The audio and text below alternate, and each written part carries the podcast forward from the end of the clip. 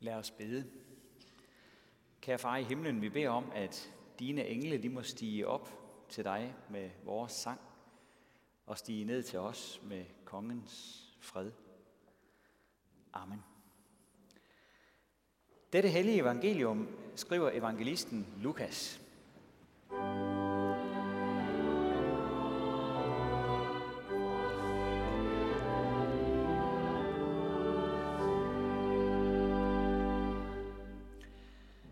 Jesus sagde til dem, således står der skrevet, Kristus skal lide og opstå fra de døde på den tredje dag, og i hans navn skal der prædikes omvendelse til søndernes forladelse for alle folkeslag. I skal begynde i Jerusalem, og I skal være vidner om alt dette. Og se, jeg sender det, min far har lovet jer, men bliv i byen, indtil I bliver iført kraft fra det høje. Han tog dem med ud af byen, hen i nærheden af Betania, og løftede sine hænder og velsignede dem. I det han velsignede dem, skiltes han fra dem og blev båret op til himlen. De tilbad ham, og fyldt med glæde vendte de tilbage til Jerusalem, og de var hele tiden i templet og lovpriste Gud. Amen.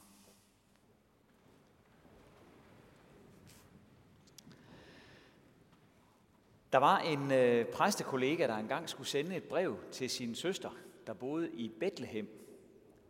Det var den gang, der stadig fandtes posthuse. Og han øh, afleverede det her brev til damen bag disken. Men hun ville ikke tage imod det. Hun sagde, der er altså ikke noget, der hedder Bethlehem i virkeligheden. Det er bare noget fra Bibelen. Det er bare noget, man snakker om.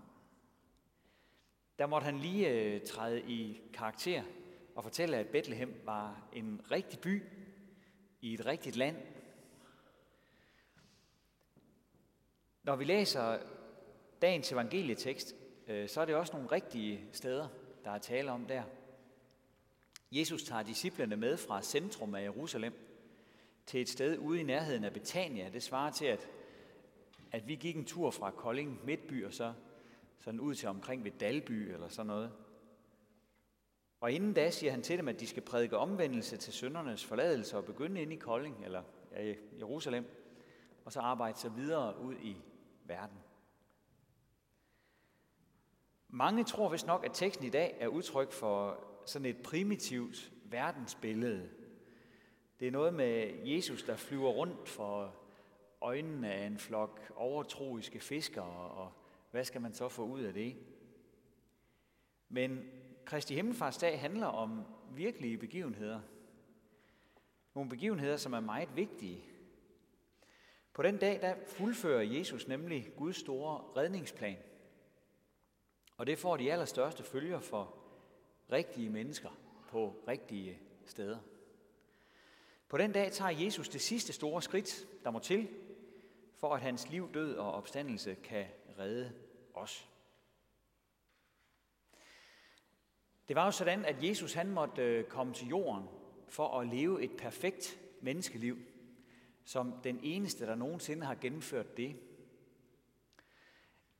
Ikke et liv, der var perfekt for ham selv, kan man sige, langt fra. Øh, det blev et meget svært liv. Men det, der var helt særligt ved hans liv, var, at han var uden synd. Han var uden det, der skiller os fra Gud. Han levede sådan, som vi mennesker skulle have levet, hvis der ikke var noget ondt i os. For der var ikke noget ondt i ham. Øh, sådan kan vi jo godt samtidig sige om nogle andre. Hvis vi kender en, der er usædvanligt flink eller omsorgsfuld, så siger vi, der er ikke ondt skabt i ham. Men selv den mest sympatiske af os har dog alligevel en egoisme derinde et sted. Noget, som vi slås med. Selv gode kristne mennesker, som man samtidig kalder nogle af dem, der samles i kirken, har det onde i sig.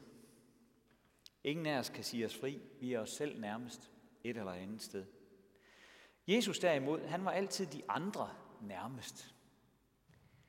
Han tænkte altid på de andre, før han tænkte på sig selv. Og det var også derfor, han gav sit liv. Det var for de andres skyld. Det var for vores skyld. De sidste par søndage har vi hørt om, hvordan han bad for andre, da han vidste, at han snart skulle korsfæstes. Han kunne sagtens have reddet sig selv.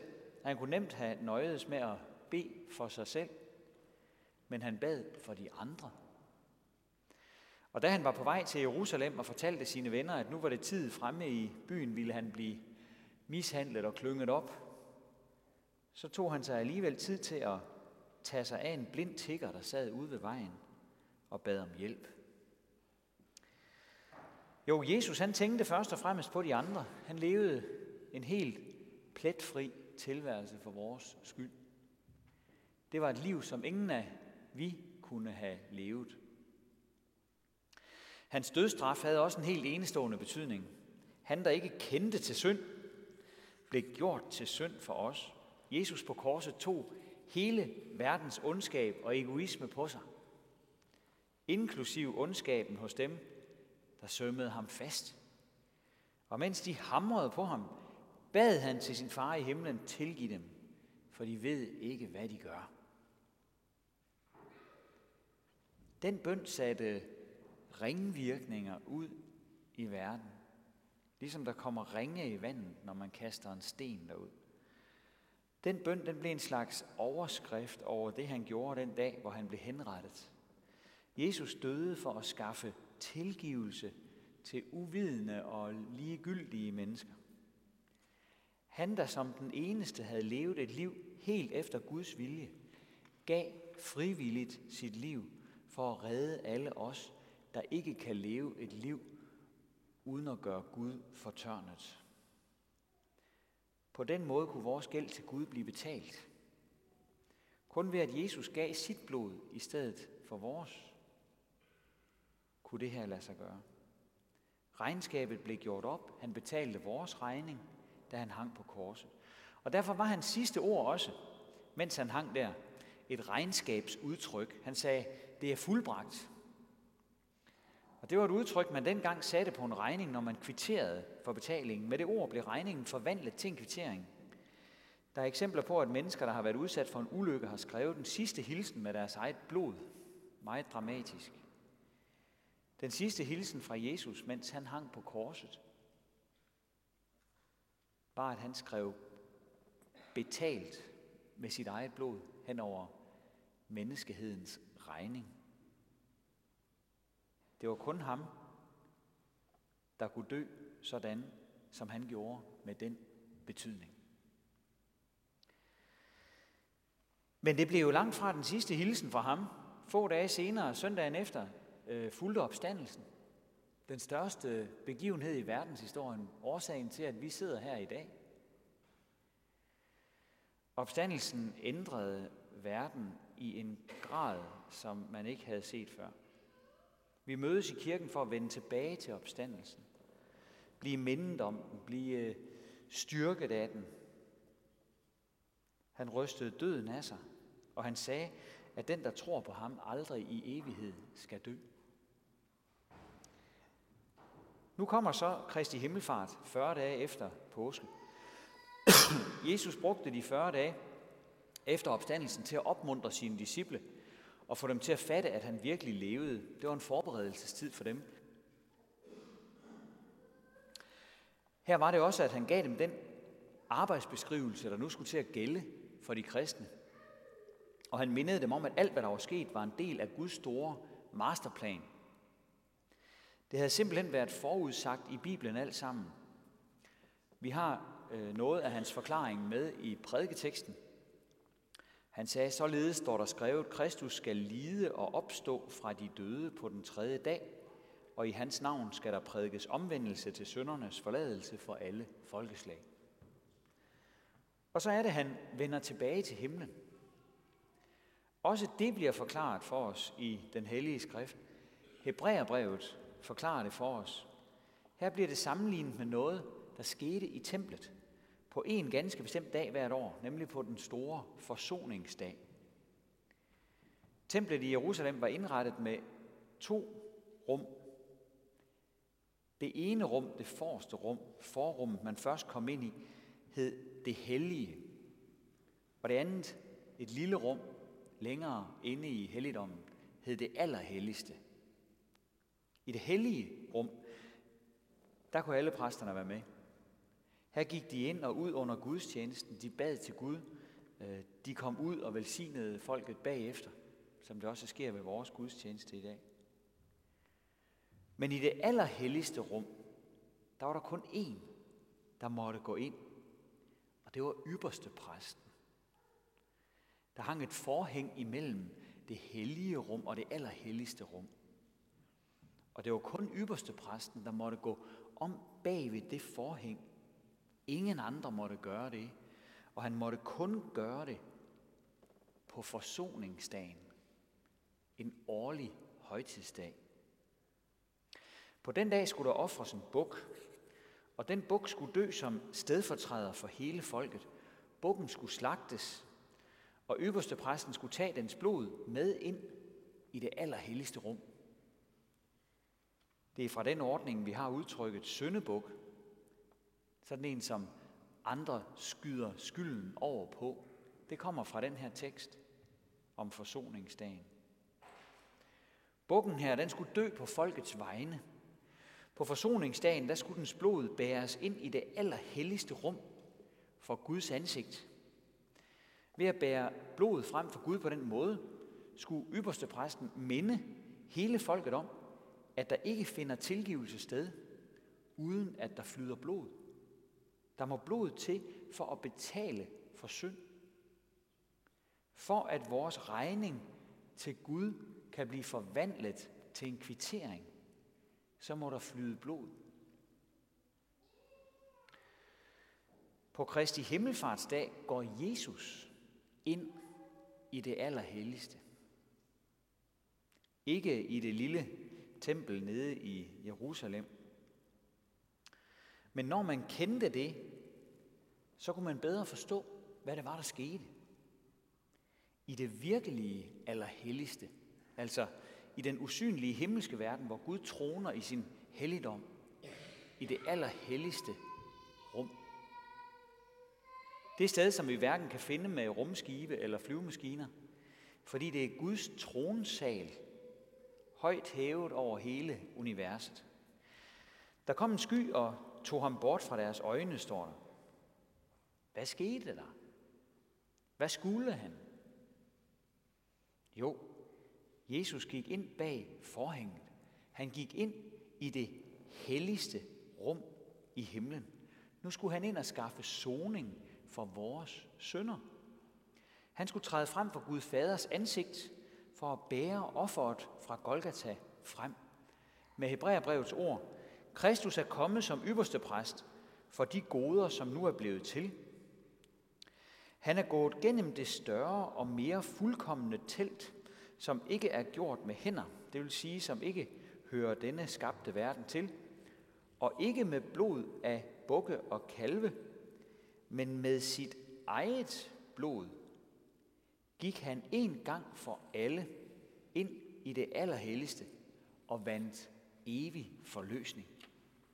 Kristus, der i kraft af en evig ånd frembar sig selv som et fejlfrit offer til Gud. På Kristi Himmelfartsdag går offeret ind og stiller sig foran Gud. For Jesus er selv offeret. Derfor er det selve hovedsagen i kristendommen, som vi fejrer i dag, selvom vi nok tænker om dagen som, som lidt en ekstra helligdag på en eller anden måde. Vi fejrer, at den store redningsaktion er blevet gennemført. Alt, hvad Jesus skulle gennemføre for, at vi kan blive frelst, det er nu gjort. Han kom, han så, han sejrede. Han levede, som ingen andre kunne. Han døde og opstod, som ingen andre kunne. Og nu er han gået derind, hvor ingen andre kunne gå ind, for at bære det offer frem for Gud Fader på vegne af os, som han selv er. Foran Guds trone repræsenterer han alle, som er døbt og tror på ham. Alle vi, der er døbt til at tilhøre ham, er jo døbt til hans død, hører vi i Romerbrevet. Det vil sige, vi er døbt til at få del i resultatet af hele det store projekt, hvor han blev søndebuk for vores skyld, for at kunne bære sit eget pletfri offer frem for Gud. For at vi kan følge efter ham ind i Guds tronsal, når den dag kommer. Og derfor minder Jesus os også om i teksten, at det, der skal prædikes, er omvendelse til søndernes forladelse. Det er det, som kristendommen dybest set handler om. Det er det, I skal gå ud og prædike. Omvendelse til søndernes forladelse. Det er hovedsagen. Der kan siges rigtig meget andet også, men det her det er hovedsagen. Det gør hele forskellen. Det gør forskellen fra helvede til himlen. Vel at mærke, når begge dele bliver forkyndt, både omvendelse og søndernes forladelse. Søndernes forladelse er ikke bare sådan en lille fodnote øh, til vores liv, som vi kan læse, hvis vi har lyst, og så kan vi ellers springe over den. Et eller andet, som vi selv bestemmer, hvilken betydning skal have. For søndernes forladelse skaber også en ny retning i vores tilværelse. Søndernes forladelse skaber nyt. Det er det, som omvendelsen betyder. Vi kan sige, at ligesom de ting, Jesus gjorde, var virkelige, gjort for virkelige mennesker i virkelighedens verden, sådan må troens liv også være virkeligt. Ikke bare noget fra et eventyr eller en from øh, fantasiverden. Og det minder Kristi Himmelfartsdag os også om. Kristus levede, døde og opstod for os i virkeligheden. Og det må vi have lov til at tage med os ud i virkeligheden. Kolding eller i Dalby eller hvor det nu er, vi har vores hverdag. Disciplerne de gik øh, glade fra himmelfarten, og de gik ind i templet og lovpriste Gud. Øh, så lad også os lovprise Gud i templet, som de gjorde, og lad os også gå glade ud i hverdagen, opmuntret af alt det, som Jesus han har gjort for os. Ære være faderen og sønnen og helligånden, som det var i begyndelsen, så også nu og altid og i al evighed. Amen. Og lad os rejse os og tilønske hinanden, som apostlen gjorde. Hvor Herres Jesu Kristi nåde, Guds, vor Fars kærlighed og Helligåndens fællesskab være med os alle. Amen.